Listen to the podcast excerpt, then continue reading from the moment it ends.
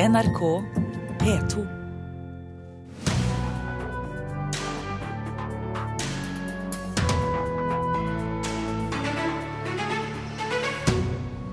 Det har aldri vært farligere for journalister i Syria og Irak, sier lederen for Norsk Journalistlag.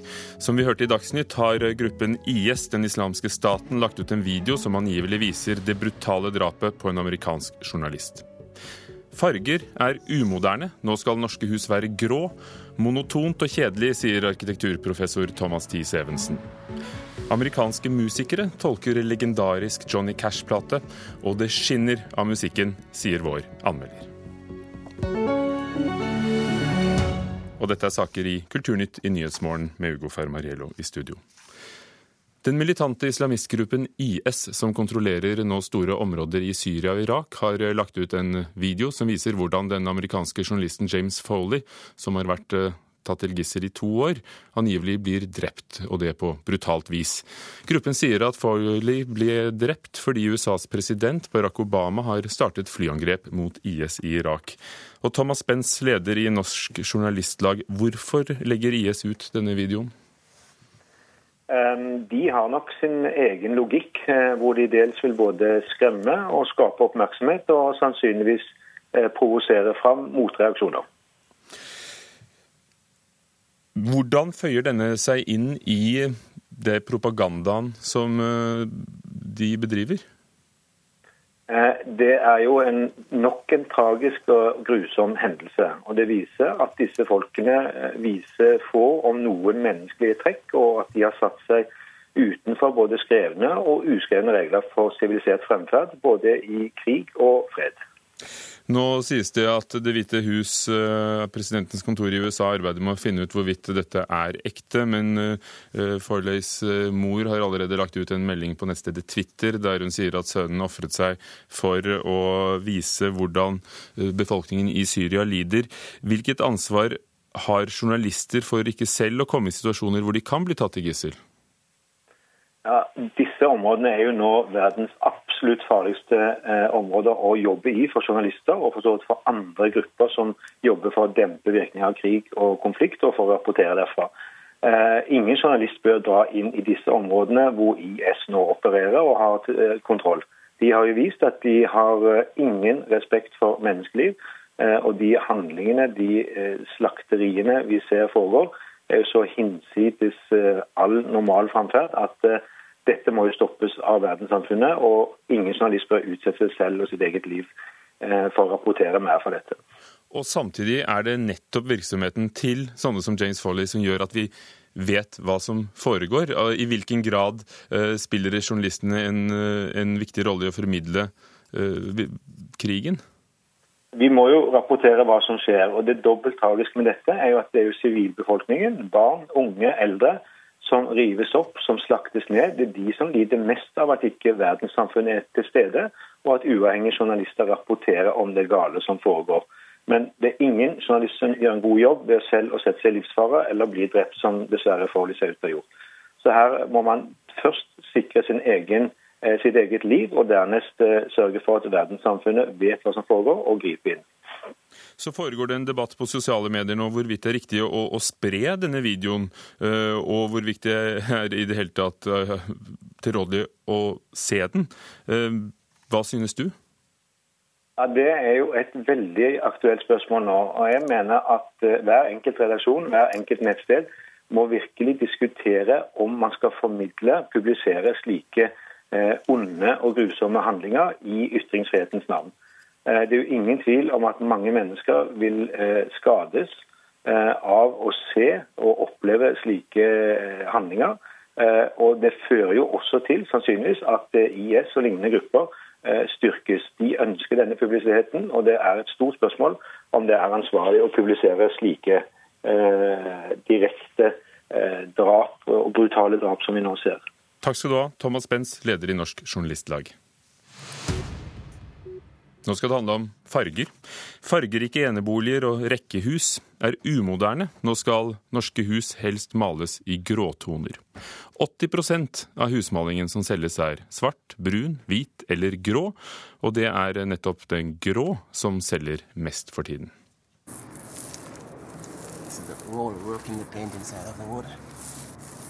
Måleren Mark Richards stryker penselen over bordkledninga på en tomannsbostad på Kalbakken i Oslo. Huset fra 50-tallet er blått, har tidligere vært gult, men nå er det i ferd med å bli grått. Det tror eier Tommy Berg blir bra. Hvis du sammenligner den grå her nå mot den blå sånn som det var, så er det på en måte stiligere. Burettslaget Tommy bor i består av 50 trehus som tradisjonelt har vært grønne, gule, blå og røde. Men nå blir 25 av bygningene måla grå. Ja, når ble, de fikk muligheten til å skifte farge, så var det grått som eh, mange ville ha. Pga. få litt mer sånn moderne look. Og Tommy er bare en av mange som gråmåler. Lisbeth Larsen er fargesjef i Jotun, som selger seks millioner liter måling i året. Hvis vi ser det her, da. Et sånt hus som vi sitter med her. Hun sier det blir mer grått over hele landet. Mye mer enn tidligere. Absolutt mye mer enn tidligere. Og spesielt den, mør den mørke skalaen. Den ser vi har kommet mye, mye sterkere inn. Faktisk er fire av fem spann med husmåling Jotunsel på skalaen hvitt, grått, brunt, svart. Sterke farger er lite populære. Eh, rødt og gult var det mye av før. Grønne hus var det også mye mer av før. Forskjellige blåfarger var det også mye mer av før. Jeg skulle nok ønske at folk eh, hadde turt å prøve andre farger. Ja, men de må jo se sin rolle, altså sitt ansvar, at de er jo enormt eh, De har en enorm makt. Det sier Mette Lorang, professor i farge ved Kunsthøgskolen i Bergen. Hun mener målingsprodusentene har medansvar for det hun kaller monotone fargevalg. Forbrukere kommer og og de blar i disse her fantastiske brosjyrene, og der er det jo lansert eh, bleike farger. Det er jo forbløffende, for å si det pent. Grått er en ikke-farge. Sier tidligere professor ved Arkitekthøgskolen i Oslo, Thomas Thies Evensen. Han tror fargeløysa kan få praktiske konsekvenser. Du kan tenke deg to-tre barn da, som skal gå og vise hvor de bor. Så kan de ikke peke når alle husene er samme farge, vet du. Men hvis det er rødt, og det ene er blått, og det tredje er gult, så kan du peke og få identifikasjonen på plass. Men Lisbeth Larsen i Jotun tror folk er opptatt av å ta omsyn til naboene og til tida. Men så er det nå gang sånn at når man maler et hus, så legger man litt penger i det. Man velger et bra produkt som skal holde i veldig, veldig mange år. Og da velger man jo en ganske sånn sikker farge. Tilbake på Kalbakken er Mark i gang med å måle vindskeiene. At fargen skal vare i mange år, det er viktig også for Tommy Berg. Nå måler vi med en god måling som skal vare i, eh, garantert i 13 år, er det vel. Så får vi se. 13 år er lang tid fram.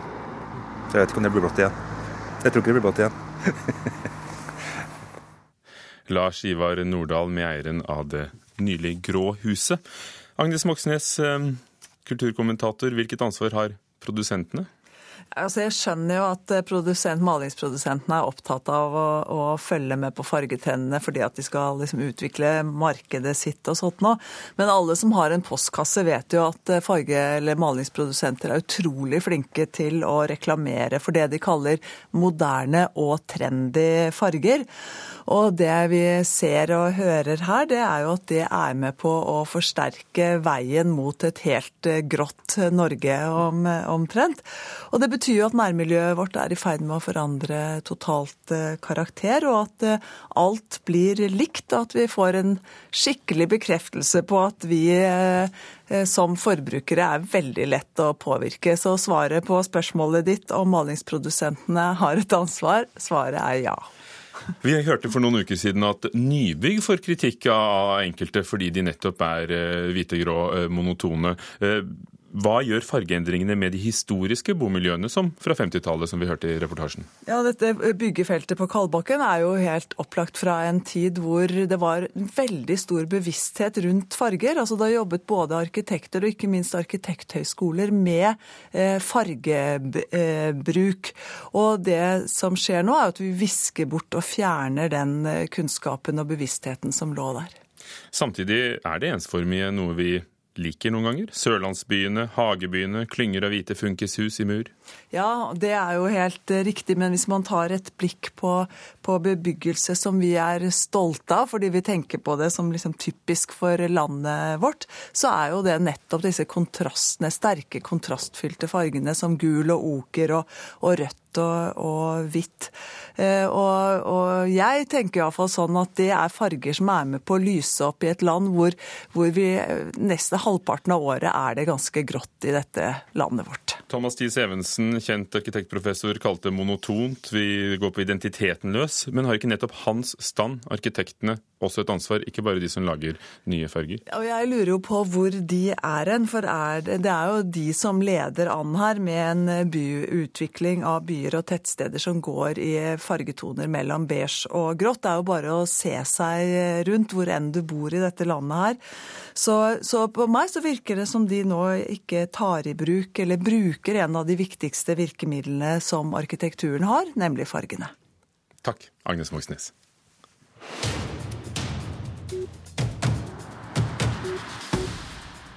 På fem år er det blitt 500 færre journalister og nesten 900 flere kommunikasjonsarbeidere i Norge, skriver Aftenposten. Stadig flere journalister hopper over til PR-bransjen, og kommunikasjonsgründer Hans Gelmeiden sier til avisen at han er bekymret. Han mener det er av stor demokratisk betydning at pressen får flere ressurser. Også i USA har PR-bransjen vokst seg større enn media. Byrådet i Tromsø står fast på ønsket om en utbygging av 370 boliger, kontorer, parkeringshus og forretninger ved det historiske og delvis fredede festningsanlegget Skansen. Riksantikvaren har sagt nei til planene. Flere politikere er også motstandere av planene, men leder av byutviklingskomiteen i Tromsø, Frid Fossbakk fra Høyre, håper at det blir noe av. At man har en, en, en riksantikvar som, som sitter og er Eh, litt skarp overfor for utbygginger. Det syns jeg er greit, men til syvende og sist så håper jeg og vil at det er kommunen og kommunens politikere som skal bestemme. Oslo kino setter ikke opp filmen 'Boyhood', som har premiere til helgen. Etter forhandlinger om pris med filmdistributøren UIP har Oslo kino valgt å ikke vise flere av distributørens filmer. I alt er det åtte filmer som har vært importert til Norge, og som Oslo kino ikke har villet sette opp. Boyhood følger hovedrollen gjennom barndom og ungdom og er filmet over tolv år av regissør Richard Linklater, mannen bak trilogien med Julie Delpia og Ethan Hawke, der før, før soloppgang var en av de tre kjente filmene. Klokken er kvart over åtte. Du hører på Nyhetsmorgen i NRK. Lærerne er villige til å forhandle, men har ikke fått noen innkalling fra KS ennå. Arbeidsgiverorganisasjonen sa i går at de vil invitere til nye møter. Den militante islamistgruppen IS har lagt ut en video som angivelig viser det brutale drapet på en amerikansk journalist. Fortsatt demonstrasjoner i Ferguson i Missouri. I dag kommer USAs justisminister til St. Louis-forstaden for å få oversikt over situasjonen.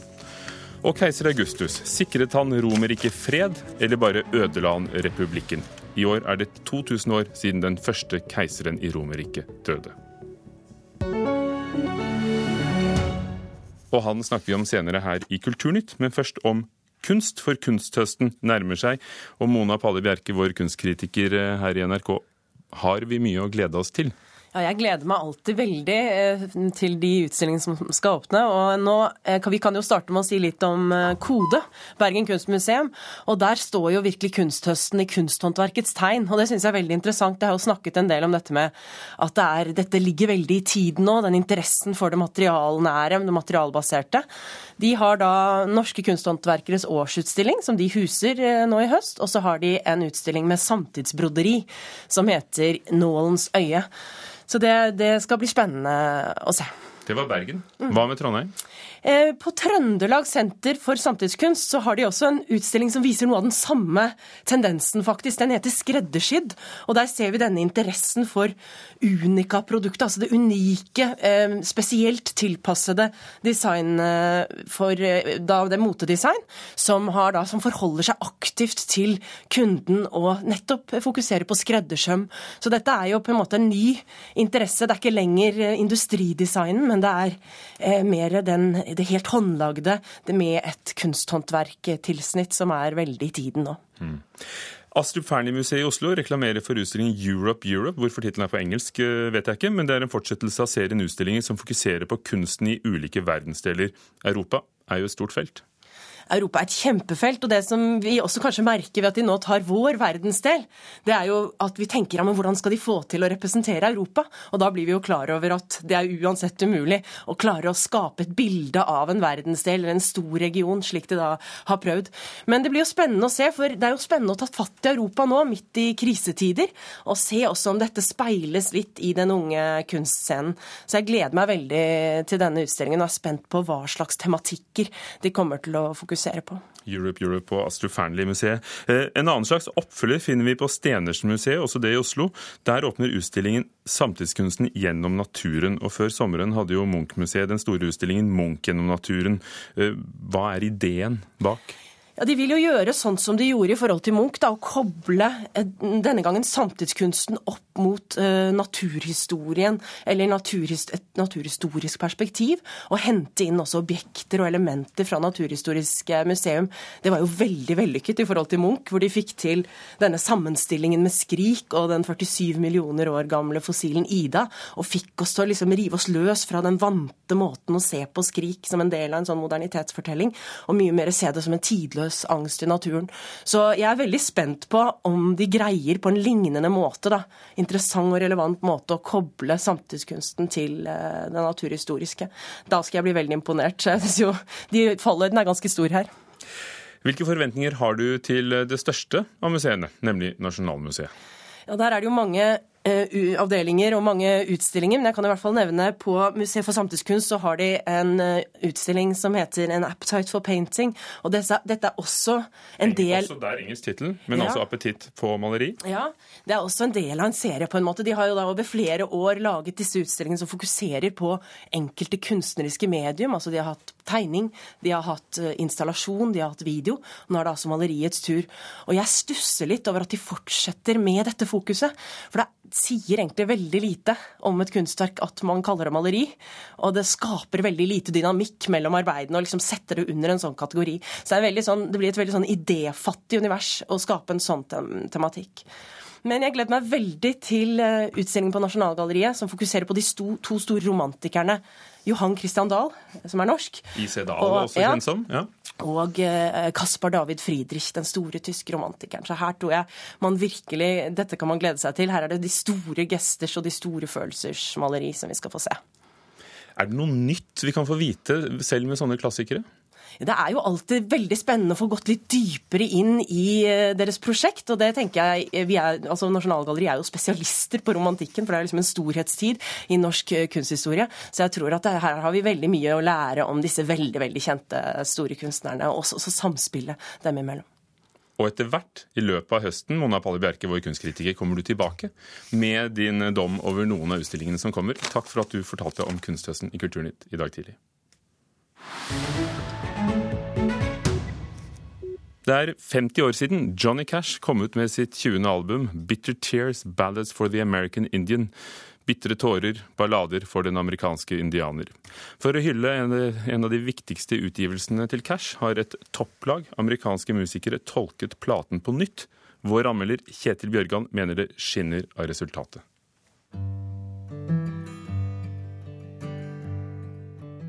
Johnny Cash holdt på lenge, nesten helt fram til han døde i 2003. 71 år gammel. Karrieren hans gikk litt i bølger, men han ble en av de største stjernene. Låtskriver, sanger, kontraartist, men også søkende mot mange sjangre. På konsertene alltid i svart dress. Egentlig, har han uttalt, kunne han tenke seg å kle seg i regnbuens farger. Men som et symbol på feilene og skjevhetene i det amerikanske samfunnet, ville han kle seg svart som en måte å uttrykke solidaritet enten det var til fanger i amerikanske fengsler eller til amerikanske indianere. As long as the moon shall rise Bitter Tears, Ballads of the American Indian, er nettopp et uh, konseptalbum som forteller historier om undertrykkelse av amerikanske indianere. Et album som i 1964 ikke solgte spesielt mye, men som likevel, ifølge Cash selv, ble en av de viktigste for ham. Og nå er hele albumet, én etter én låt, tolket på nytt og fått navnet Look Again to the Wind. Johnny Cashs Bitter Tears Revisited. Her er det mye folk og uendelig mange historier som kunne fortelles. To musikere går igjen. Ikke helt ukjente heller, Gillan Welch og Dave Rollings. På mange av låtene hører vi gitarspillet til de to og koringen. Dessverre, må jeg si, jeg hadde egentlig sett fram til å høre mer av stemmen til Welch. Plata er likevel fantastisk. For eksempel hører vi han her. Ira Hayes, Ira Hayes. Call him drunken Ira Hayes, he won't answer anymore. Not the whiskey drinking Indian or the Marine that went to war. Chris Christofferson, du veit han som landet i hagen til eh, Cash med et helikopter for å oppnå kontakt. Christoffersen ble etter hvert en av de store stjernene, han, og samarbeida med Cash ved flere anledninger. Og her tolker han The Ballad of Ira Hayes, skrevet av Peter Lafarge. Ira Hayes, Pima-indianer, en av de seks på det berømte bildet fra andre verdenskrig da det amerikanske flagget ble reist på toppen av fjellet Syribachi ved slaget om japanske Iwo Jima. Og Lafarge, som har skrevet eh, låta, var også den eneste komponisten, i tillegg til Cash selv, på den opprinnelige vinylen. Sequoia's winters were 16, silent tongue. Det er en perlerekke, dette. Tolkningene er spesielt morsomme å høre på, parallelt med det opprinnelige Cash-albumet. Sequoia's winters were 16. Noen følger Cash sine musikalske spor, andre er friere og tar noen lange runder rundt kildene. Tolkningen til Steve Earl, f.eks., du veit han fra TV-serien Tremie. Now I will tell you, Buster, that I ain't a fan of Custer, and the general he don't ride well anymore. Spiller i Bergen om eh, to dager, forresten. Eller stemmen til eh, Emily Harris sammen med The Milk Cotton Kids. Her med Apache Cheers. Hoofprints and footprints. Deep ruts the wagons made, the victor and the loser came by here. No headstones, but these bones bring Mescalero See the smooth black nuggets by the thousands laying here. Emilio Harris til slutt, eh, den nye platen som hyller Johnny Cash, anmeldt av Kjetil Bjørgan. Jeg fant en by av murstein og forlot en by av marmor, skal keiser Augustus ha sagt om Roma. I går, faktisk, var det 2000 år siden han døde. Keiseren som skapte det romerske keiserdømmet, men også ødela den romerske republikken. Mathilde Skoie, professor i latin og leder av instituttet som bl.a. sysler med klassisk filologi og arkeologi ved Universitetet i Oslo. Hva er det ved Augustus som interesserer dere forskere i dag? Det er veldig mange ting, eh, og det kommer litt an på forskerens perspektiv.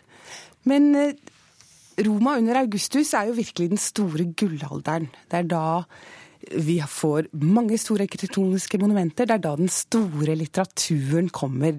Disse navnene som veldig mange har hørt om, Vergil, Horat, det er da de skriver. Men det virker som et paradoks, for samtidig så, øh, så ble den øh, mer eller mindre demokratiske republikken erstattet av øh, et eneveldig keiserdømme, og, og kunstnernes friheter ble innskrenket. Ja, dette er et kjempeparadoks. Og Augustus sa selv ved sin død, så spurte han eh, de som var rundt ham, om han hadde spilt sin rolle vel på verdens scene. Og det, Hva slags rolle var det han egentlig spilte? Og det å kalle noe at han spiller en rolle, hva ligger det egentlig bak? Dette har jo forskerne syntes har vært veldig spennende å finne ut av. Og spørsmål som ytringsfrihet, ledelse, alle disse tingene blir veldig viktig. Men var han den store mannen som reddet Roma fra borgerkrig? Første århundre før Kristus er det store, blodige århundret. Og det ble fred. Eh, internt romer sto ikke mot Romer lenger etter at Augustus fikk all makt på én hånd. På den annen side så fikk han da all makt på én hånd. Det forsvant, dette styret av konsuler, som, som jo mange har syntes har vært veldig interessant, og amerikanerne har bygget sin republikk og i det hele tatt. Eh, og dette er jo litt et spørsmål er glasset halvfullt eller halvtomt. Eh, man kan også spørre seg hva, man for, hva, slags fortelling forteller man? Er det Romerrikets undergang, som, man, som, begynner med Augustus? Eller er det fremgangen til imperiet? Hmm. Eh, var det en gullalder? Faktisk, når du ser i ettertid, eller var det andre perioder som var like viktige?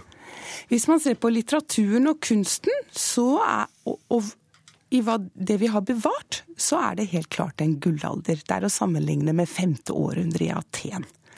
I år har det vært store feiringer av dette 2000-årsjubileet for hans død.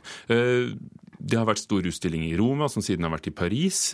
Men det er jo ikke noe imot hva Mussolini satte i gang i 1937, da man feiret eh, hans fødsel. Ja, har de heftet ved Augustus, bildet av Augustus at Mussolini var så glad i ham? En ting er jo hva slags fiende man har, men man skal jo ofte være ganske forsiktig med hva slags venner man har. Eh, hva slags venner man får. Det er klart det har ikke vært spesielt eh, hyggelig for mange forskere og, å å, å, befatte seg med Augustus etter at Mussolini hyllet ham så opp i skyene som han gjorde i 1937. Han var jo fryktelig heldig som hadde dette jubileet, og inviterte jo gjester som f.eks. Hitler var og besøkte utstillingen for Augustus to ganger.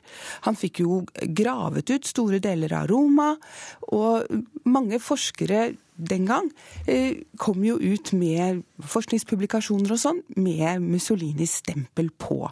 Og det var jo 'the glory that was Rome', som, som var det store som Mussolini skulle få frem. Har vi grunn til å feire Augustus? Vi har grunner til å se på ham. Eh, vi har grunner til å stoppe opp og, og se hva dette betyr. Og vi har grunner til å, å se på en stor politiker.